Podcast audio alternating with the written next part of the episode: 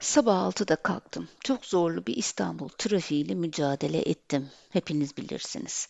Yağmurda, çamurda zorla şirkete gittim. Kapıdan girer girmez güler yüzlü sekreterimiz kocaman bir günaydın dedi. Onun günaydınıyla birlikte bir kahve kokusu geldi böyle burnuma. Ortamda çok güzel bir koku. Ekip arkadaşlarımla birlikte o tüm günü geçirdiğim odamıza doğru ilerlerken diğer birimlerden arkadaşlar cuma günü aldığımız ödülü tebrik ediyorlardı. Odamıza girdim. Poğaçalar alınmış, sıcak simitler, herkes gülüyor, konuşuyor. Gel gel dediler. Bayağı da üşümüşsün. Hemen sana çay getireyim. Arkadaşlardan biri üst yönetimden tebrik mesajları geliyor diye gülerek geldi yanıma. Masama oturdum. Aldığımız ödülü tebrik eden diğer birimleri, güler yüzlü yardımsever çalışma arkadaşlarımı düşündüm. Sabah yaşadığım trafik, yağmurda ıslanmış olmam, arabanın sıçrattığı o çamur, hepsini unuttuğumu fark ettim. Şimdi filmi geri saralım. Hızlıca şirketten çıkıyorum, kapının önüne kadar geliyorum. Yani İstanbul trafiği, yağmur, çamur aynı. Şirkete geldim, kapıdan içeri girdim. Sekreter şöyle bir baktı, bilgisayar ekranına geri döndü. Diğer birimlerden arkadaşlar imalı bakışlarla beni süzüyorlar. Odamdan içeri girdim. Herkes oturmuş bilgisayar başına işini yapıyor. Yarım ağızla günaydın dediler. Masama oturdum. Gene birbirinin aynı günler başlıyor dedim. Bugünkü programıma bakayım bari. Sanki cuma günü o aylarca çalıştığımız ödülü almamışız gibi. İşime devam ettim.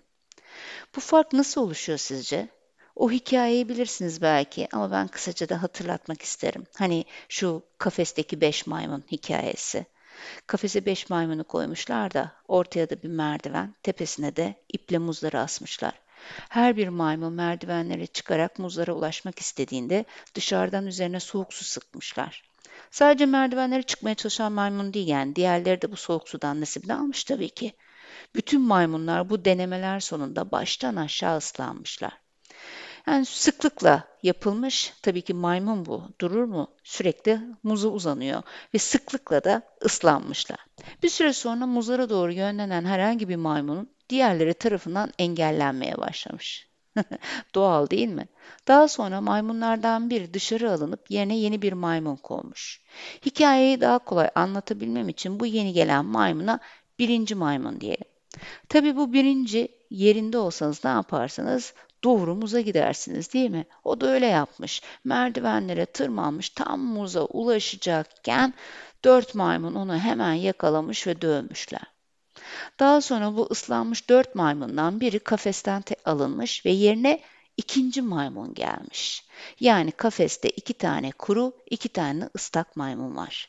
Tabii ikinci de aynı birinci gibi muzu görünce hemen merdivenlere doğru koşmuş, muza tam ulaşacak ki diğerleri hemen tutmuş dayak atmışlar. Hatta ikinciyi en şiddetli döven kimmiş biliyor musunuz? Birinci maymun. Yani kuru olan, o dayağı yiyen maymun. İlginç değil mi? Daha sonra kafesteki eski maymunlardan kalan üçüncüsü de bu şekilde yeni biriyle değiştirilmiş. Yeni gelene de e, üçüncü maymun diyelim. Üçüncü de tabii muza uzanıyor ve kafestekiler üçüncüyü de dövüyorlar. Düşünsenize birinci ve ikinci yeni gelen üçüncüyü neden dövdükleri hakkında hiçbir fikri yok. Kafese geleni dövmeye başlıyorlar. Hiç ıslanmamış yeni maymunlarla bu şekilde kuru maymunlar değiştiriliyor, dayak yiyenler diyelim. Ve son olarak ıslanmış olan eski maymun da kafesten çıkıp beşinci kuru maymun konuyor. Artık kafeste ıslanmış hiçbir maymun yok düşünün ve tepelerinde bir salkım muz var. Fakat de, e, sürekli dayak yedikleri için hiçbiri merdivene bile yaklaşmıyor. İşte size kurum kültürü ya da ne diyeyim organizasyonel şartlanma. Olabilir mi? Evet. Organizasyonel şartlanmanın başladığı yer burası.